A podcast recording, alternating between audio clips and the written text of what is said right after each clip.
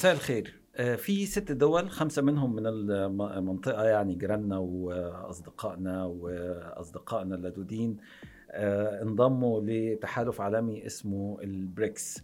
دلوقتي الناس انقسمت نوعين آه، ناس بتقول دي خطوة مهمة جدا وناس بتقول إن التحالف ده من 2009 وما عملش أي تغيير بالنسبة للدول المنضمة أساسا ليه. دي حلقة جديدة من بودكاست سينجيم في دقائق. أنا خالد البري ومعايا رئيس التحرير التنفيذي محمد شوشة عشان يجاوب عن أهم الأسئلة اللي بتدور في أذهان حضراتكم.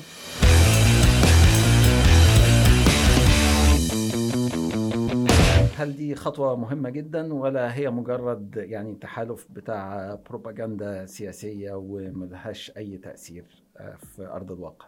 يعني مبدئيا جزء اللي هو ملهاش أي تأثير دي الناس معظمها بتتكلم فيها إن هو التحالف اتعمل من 2009 وإحنا دلوقتي في 2023 ومفيش جديد ظهر على الأرض فالنقطة دي اللي هيجاوب عليها نقطة إن التحالف قبل 2022 غير التحالف بعد 2023 في الوقت ده حصل متغيرين مهمين جدا إن أولا لما حصلت الحرب الروسية الأوكرانية وبدأت أمريكا تضيق على النظام المالي الروسي ومنعتهم من السويفت خدت أكتر من خطوة. فاللي هو بقية دول العالم اللي هو يعني إذا كانت روسيا بجلالة قدرها بيحصل فيها كده فالغلابة اللي زينا لو حصلت أي مشكلة إيه اللي هيحصل فيهم؟ فدي كانت نقطة اللي هو طب نبدأ ندور على بديل.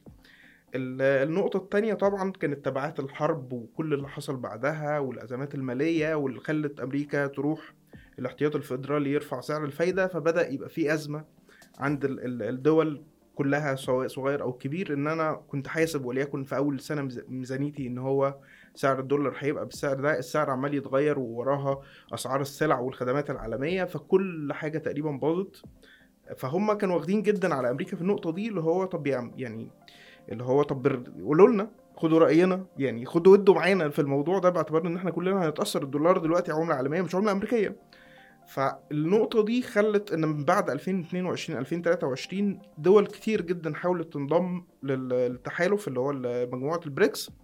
كان بينها الدول الستة اللي انضمت اللي هي تقريبا قدمت الطلبات في 2023 فهو فكرة إن اختيار الدول دي بالذات من بين كل المتقدمين اللي وصلت بعض التقديرات الرسمية ل 40 فدي على الأقل نقدر نقول إن هو انتصار سياسي اللي هو فكرة آه، يعني هناخد بالنا منه أكتر لو خدنا بالنا إن هو فكرة تقسيمة الدول اللي جوه البريكس نفسها إن هي دول مش متوافقة. يعني في دول ال الناس دلوقتي مثلا كان في ناس كتير بتتكلم على إن البريكس هيبقى التحالف المناهض للغرب أو الكلام ده كله.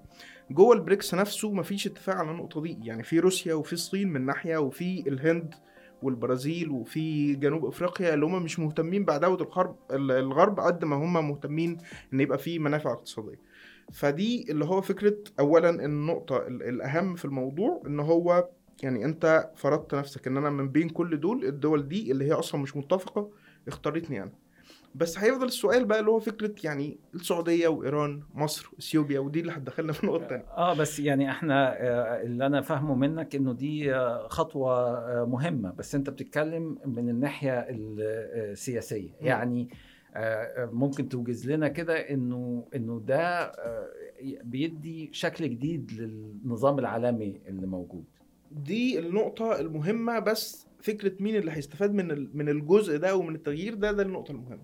يعني معظم التحليلات دلوقتي يعني أنا عايز بس ألفت نظرك مثلا إنه إنه ثلاث آه، دول حلفاء في الشرق الأوسط عادة محسوبين على إنهم أصدقاء لأمريكا آه، وعادة خطواتهم في المجال العالمي بتبقى منسقة ما بينهم اللي هم مصر والسعودية والإمارات منضمين. يعني بالنسبة لي أنا شخصيا دي حاجة ملفتة للنظر جدا. وده هيرجع لنفس النقطة اللي إحنا كنا بنتكلم فيها في النقطة الأولى دي من جهة اللي هي فكرة إن كان التحالف نفسه كان في سعي من الدول منهم اللي هو جنوب أفريقيا المستضيفة ومنهم الهند ومنهم البرازيل اللي هو لو هنتكلم في تصويت يعني دول ثلاثة من خمسة. فهم كان عندهم سعي قوي إن التحالف ما يظهرش في شكل التحالف المناهض للغرب. ويمكن حتى الصين نفسها في أكتر من موضوع إحنا غطيناه الصين مش مهتمة إن هي تدخل في القصة دي. يعني هي فكرة إن أنا عايزة أبقى قوة وشريك واقتصاد بس أنا يعني أنا مش عايز اعاديكم اللي هو حتى في موقف مثلا في الأزمة الروسية كانت بتاخد مواقف بس دايما اللي هو مش عايزة تتطرف لناحيه إن هي تظهر إن هي عدوة الغرب. بس التحالف مش معادي للغرب إنما بيسحب من أرضية أرضية عفوا يعني بيسحب من أرضية الغرب في الشرق الأوسط مثلا. ودي ال- النقطة اللي أنا كنت بتكلم فيها اللي هو مين هيستفيد من التحالف. اللي هو دلوقتي مين ال- المستفيد الأكبر من انضمام الدول دي والإجابة قولا واحدا هي الصين. يمكن هي الأج- المستفيد الأكبر من كل القصة دي اللي هو التحالف بشكل معلن تماما وكل دوله بتتكلم عن إنهم بيسعوا لتأسيس نظام عالمي جديد نظام سياسي ونظام مالي. اللي هو السياسي من خلال إن هو إعادة إصلاح المؤسسات الدولية ومتعددة الأطراف وإنه يبقى في بدايل لصندوق النقد الدولي والكلام ده كله. فالدول بانضمامها واللي هي زي ما قلنا هي معظمها يعني أصدقاء دايمين للغرب ما بينهم قصص كبيرة جدا خصوصا يعني إحنا بنتكلم على السعودية. طبعا هنروح للنقطة دي بالتفصيل في نقطه تانية بس اللي هو يعني ال- السعودية دايما بنتكلم اللي هي فكرة تقييم ال- النفط بالدولار هي اللي مدية بشكل كبير لل- للعملة الأمريكية قوتها كعملة عالمية. فانضمام الدول دي لل- للقصة دي تحت قيادة الصين وده تقريبا في شبه إجماع عليه في كل كل التحليلات يعني ما فيها حتى ال- اللي مش غربية قوي يعني.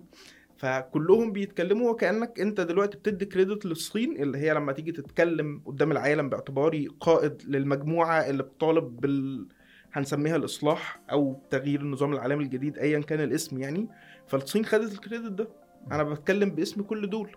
اللي هو تمام يعني يعني الصين إخواتنا في الإنسانية وإحنا نحب نحب لهم إن هم آه، يفرحوا ويتهنوا ويبقى وضعهم أحسن في النظام العالمي الجديد إنما آه، برضو يهمنا طيب مصر والسعودية والإمارات إيه اللي ممكن أي دولة منهم تكسبه من من الليلة دي يعني. يعني اولا الرسالة هتكون وصلت ورسالة عملية مش مجرد كلام نظري اللي هو فكرة إن إحنا لما بنتكلم مع أمريكا. وطبعا يعني إحنا برضو غطينا الموضوع ده طول الفترة اللي فاتت اللي هو الرسائل اللي كانت بتوصل للغرف المغلقة إن اللي بيحصل ده ما يصحش دي رسالة واقعية تماما. أنا بمنتهى البساطة طول الفترة اللي فاتت كان عندي شكاوى كتير انت ما فيش اي استجابة ليها في في العواصم الغربية وفي أمريكا وال... حتى كان في من بعض المصطلحات اللي أنا قريتها اللي هي فكرة إن العالم الغربي بيقدم نفسه في الفترة اللي فاتت باعتباره أكثر غربية أو أكثر انطواء يعني إن هو منطوي أكتر على الغرب. إن المنطقة دي بتاعتي أنا هرعى مصالحي ويعني ما- ماليش دعوة بالآخرين. فدي نقطة رئيسية إن هم وصلوا الرسالة إن إحنا موجودين وإن يعني الدولار لو هو هيلوي دراعي فأنا عندي الأوراق اللي أنا أرد على ده.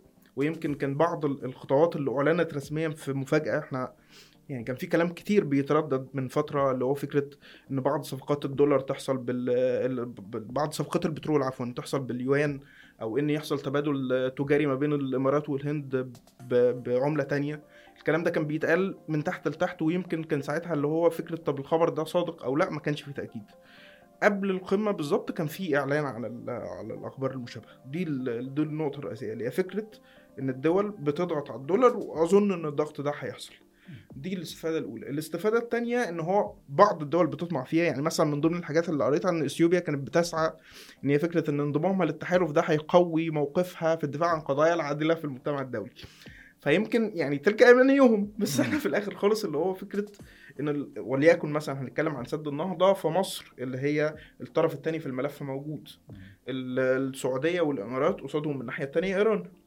فيعني التحالف أصلا هو ده برضو ال ال ال مش هو مش تناقض يعني بس ال- التوازن اللي معمول ده إنه مصر وأثيوبيا اللي هم بينهم حاليا المشكلة الأكبر بالنسبة للبلدين وفي نفس الوقت إيران آه، ومعها السعودية والإمارات. هل هل ال- التقسيمة دي منطقية سياسيا من وجهة نظرك؟ مقصودة. مقصودة. مقصودة طيب تماما. يعني اشرح جزء لنا منها- أكتر. جزء منها إن زي ما قلنا إن هو كان في كتلتين جوه البريكس نفسه في وقت التصويت فيجوز تماما اللي هو فكرة طب إحنا هنقعد مع بعض إحنا لغاية وقت قريب جدا لغاية النهارده حتى كنا بنتكلم طب هم خمس دول والسته هتنضم بعد كام سنة ولا هم ستة؟ وفي الآخر طلع الإعلان عن الستة. ال- فيعني فكرة إن ال- التغيير ال- المتوالي في الموضوع ده بيقول إن التقارير اللي كانت بتتكلم على إن في فرق في التصويت ما بين الدول يمكن يكون صادق طب آه، في كمان أنا, يعني- أنا آسف أنا عمال. أقطعك بس لا. معلش اسمح لي يعني. اسمح لي لازم أقطعك تمام ال- النقطة الثانية إنه الصين توسطت زي ما انت عارف بين إيران والسعودية. تمام. آه، فهل هل نربط الح- الحدثين دول ببعض؟ وهل نتوقع إنه مثلا ممكن تتوسط بين مصر وإثيوبيا؟ فتبين إن هي زي ما نجحت بشكل أحسن في الملف الإيراني آه، السعودي من من باقي ال- الدول من باقي القوى العالمية. فهي ممكن كمان تروح مجربة آه، حظها في الملف المصري الإثيوبي؟ يعني يجوز. إحنا بس ده لو حصل هيبقى دور الصين منفرده مش دور ال- البريكس. يعني إحنا جوه البريكس إحنا بنتكلم على إن الصين والهند اللي بينهم نزاع حدودي ضخم. يمكن إحنا في الشرق الأوسط ما بنسمعش عنه باعتباره بعيد شوية يعني. بس هم موجودين في نفس التحالف وهم الاثنين قادة وهم الاثنين بياخدوا خطوات وهم الاثنين بيقدموا عملاتهم بقوة يعني. فهل إن هيبقى دور البريكس هيتوسع لحل ال- الأزمات دي؟ الصين خلال قبل القمة بالظبط كانت بتتكلم على فكرة إن هي إن إيران والسعودية هيقودوا موجة من المصالحات في ال- في المنطقة الفترة الجاية. ويمكن وقت إثيوبيا ومصر كانت الصين شوية موقفها محير. يعني فتدخلها في الموضوع ده يجوز إن هو يحصل بس يعني بحسب المعطيات الحالية يمكن هو هيبقى الدور ده دور ال- الصين لوحدها خصوصا إن الجناح التاني في في البريكس أصلا هو اللي هو روسيا. يعني هو عنده ما يكفي من الأزمات. طيب أنت كنت بتتكلم عن إنه آه يعني آه في نقطة هتترجم من الثقل السياسي إنه آه، الدول آه، بتقول لأمريكا إنه إحنا عندنا هو آه، قوة عالمية آه، تانية فده ممكن يترجم لمكاسب في المستقبل. وبعد كده وعدتنا إنه في كمان نقطة تانية ممكن الدول المفردة تكسب منها. معلش أنا قطعتك ساعتها فتفضل قول لنا ال- النقطة الثانية يعني ال- النقطة الأولى بس هو دايما بيتكلموا على فكرة قوة العملة اللي هي فكرة بعض الناس برضو شطحت في النقطة دي اللي هي فكرة إن هو إحنا خلاص الدولار بيترنح وإن ال- خلاص الدولار بيسقط والكلام ده كله. يعني هل قيمة الموضوع ده متوقفة بس على انضمام الدول دي؟ يجوز بس الدول دي أصلا هل هي نفسها مهتمة بإسقاط الدولار؟ دي أظن إن فيها شك في محللين كتير شككوا في النقطة دي ويجوز إن هم يكون عندهم حق في الموضوع اللي هي فكرة إن الدولار يبقى أكثر موثوقية في التعاملات الدولية بس أنت على الأقل بقى عندك البديل. تمام؟ النقطة الأهم إن إحنا بنتكلم في بعض الدول طبعا ده ما ينطبقش على كل الدول اللي انضمت مؤخرا بس بعض الدول اللي هي فكرة إن هي هيقوي عملتها المحلية. هل ده بالضرورة بيحصل؟ يعني فكرة إن هو لو شلنا الدولار وحطينا اليوان تاني يوم الصبح هل ده هيغير ال- الواقع يعني؟ وفي الآخر خالص عملتك المحلية بتعتمد على اقتصادك المحلي يعني يفرض نفسه وبعدين نبقى نشوف النقطة اللي بعدها. آه، لكن الفوائد الفردية يعني بعضها موجود. أنا يعني الموضوع كان خاضع لكتير من البروباجندا فحاولنا إن إحنا وإحنا بنعمل الريسيرش بتاعنا نحاول نميز ما بين ال ال الواقع والمأمول يعني.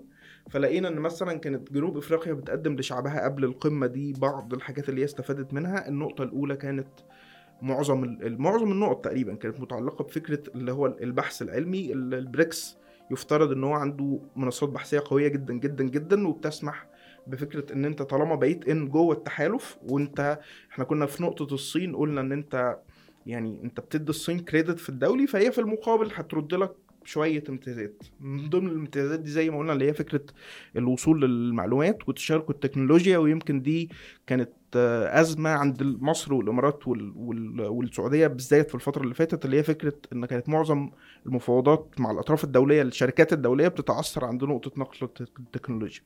فإحنا دلوقتي وصلنا اللي هو فكرة حتى لما تيجي تتكلم الغرب أنا عندي بديل. تمام. فدي نقطة. النقط اللي بعدها تتعلق مثلا بالوصول الأسهل لبنك ال- التنمية أو المؤسسات البديلة اللي عملها البريكس لل للوصول اللي هي فكرة إن هي تبقى بديل عن صندوق النقد وال... وال... والصندوق النقد والبنك الدولي دي برضو فيها بعض الكلام اللي هي اولا إن يعني معظم الدول المنضمة هي أصلا كانت عندها أسهم في. في البنك التنمية تمام ففكرة إن هي هل دي هتديك اوبشن بالوصول ال- الأسهل دي مش متأكدين منها قوي النقطة التانية إن فكرة إن المؤسسات البديلة دي هي خلافها مع الغرب إن هو يعني لو صندوق النقد أو البنك الدولي عنده اشتراطات شوية معقدة لل إن هو فكرة إن هو بيفرض عليك أنت هتعمل إيه مقابل إن أنت تاخد القرض مني يعني البنوك دي أو المؤسسات البديلة دي هي ما عندهاش الشروط دي. فيمكن بعض الدول هتستفاد من النقطة دي اللي هي فكرة يعني أنا هاخد. بس في المقابل مثلا إحنا كنا في في موضوع صندوق النقد الدولي حتى التصريحات الرسمية كانت بتتكلم طول الوقت بفكره إن دي شهادة دولية. فهل لما تروح لمؤسسة بديلة مش هتديك ال بس معلش يعني آه، سيبك من السياسة. آه،. لو أي إنسان راح اقترض من من آه، جهة إقراض زي البنك مثلا لابد إن هو يكون في آه، يعني اعتماد ائتماني ليه ده ده, ده, أبسط قواعد أنا هديك فلوس طيب وما بتعرفش ترجعها لي بعد كده أو تبقى مش مديني خطة جيدة إن أنا- إن أنا- انه ترجعها. فأنا خايف إنه يكون الكلام عن بنك التنمية ده يعني آه، كلام أمنيات ولا يعني إيه هو؟ في جزء إن هو فكرة إن سعر الاقتراض أعلى من المؤسسات الغربية. تمام اللي هو فكرة إن هو كده كده ريسك بيطبعه إلى حد ما وفكرة إن هو شايل الشعار إن أنا بنمي مش بتدخل وإني أنا بسل يعني ففي الآخر خالص مقابل ده بياخد فايدة أعلى دي نقطة أولى. النقطة التانية إن هو خلينا نفترض إحنا بنتكلم دلوقتي عن دول مساهمة في التأسيس، دول ليها أسهم. تمام؟ فده يعني وكأنك أنت داخل في في المؤسسة من من الأول يعني فهيبقى ليك امتياز- امتيازات يعني. طبعا إحنا بنتكلم في الآخر خالص إحنا إحنا دلوقتي بعد ال بعد الانضمام الجديد إحنا بنتكلم على 11 دولة. فهو ستيل لسه ال- الموضوع ضيق جدا. بس الامتيازات ال- الرئيسية كمان ال- اللي لسه ما قلناهاش اللي هي ليها علاقة بفكرة التفضيل يعني مثلا اللي هو إن بعض الكلام طبعا إحنا ما عندناش ما يؤكده بس زي ما قلنا إن ده منسوب لجنوب أفريقيا اللي هي فكرة الأولوية في تصدير العملات الرئيس ال- ال- العملات ال- ال- السلع الرئيسية وقت الأزمات. فكرة إن مثلا الرز والقمح هيروح لمين؟ فهو يجوز إن هو يروح للدول دي الأكتر. التدفق السياحي لو أنا هختار إن دولة مثلا أنا هشجع المواطنين بتوعي إن هم يروحوا لها فأنا هختار دولة من جوه البريكس. ال- التبادل التجاري جنوب أفريقيا بتتكلم عن نسب فعلا كانت أعلى بس تاني هنرجع لنفس النقطة اللي هي فكرة البريكس ولا الصين. يعني الصين هي في الآخر خالص ال- يعني مثلا جنوب أفريقيا بعد البريكس هي بقت تعاملها أكبر مع الصين مش مع روسيا أقل مع روسيا. تمام؟ فستيل إحنا بنتكلم اللي هو في الآخر خالص ال- ال- الصين ودول أخرى. يعني آه. نقدر نسميها كده. آه. طيب آه يعني مش هنقدر إن إحنا نختم ده قبل ما نرجع لحاجة كده عدينا عليها في النص إنه ثلاث دول من من الستة اللي انضموا ثلاث دول هم مصر والسعودية والإمارات آه تاريخيا وتقليديا هم حلفاء آه للولايات المتحدة مم. تفتكر الديمقراط السبب؟ ده بدون شك يعني بمنتهى البساطة إحنا بنتكلم اللي هو فكرة إن هم جم بأجندة معلنة وغير معلنة هي بمنتهى البساطة بتتعامل مع المنطقة دي باعتبار يعني حضرتك لو فاكر حتى كان في مقالات إحنا غطيناها في وقت الانتخابات اللي هي فكرة إن التحالف الثلاثي ده لا غنى عنه لأمريكا فكانت ال ال ال أول حاجة طبعا الخطاب ما قبل الانتخابات كان كان شديد جدا من من الديمقراط. بعد ما جم المحاولات الأولى كانت كلها اللي هي كأنك بتشتري عدائهم مقابل إن أنت بتطبطب في حتة تانية. فال... وغير إن جت بعد كده اللي هي فكرة الأزمات اللي حصلت اللي هي الأزمة الروسية الأوكرانية مثلا ولغاية النهارده الأول يعني حاجات جديدة كده إن الغرب نفسه بيتكلم اللي هو فكرة إن إيد لوحدها ما بتسقفش. يعني لو روسيا لوحدها كانت دولة عنيدة وعنيفة والكلام ده ما كانتش الحرب قامت. في طرف تاني برضو سقف مع الموضوع لغاية ما قامت يعني. فالتصعيدات والسياسات يعني أنا أظن ظن شخصي وبرضو في إطار التحليلات اللي إحنا عملنا عليها research إن هو يمكن لو ترامب موجود مثلا ما كانتش الخطوة دي اتخذت. طيب شكرا جزيلا ونورتنا في الحلقة دي من سين جيم في دقائق. شكرا أستاذ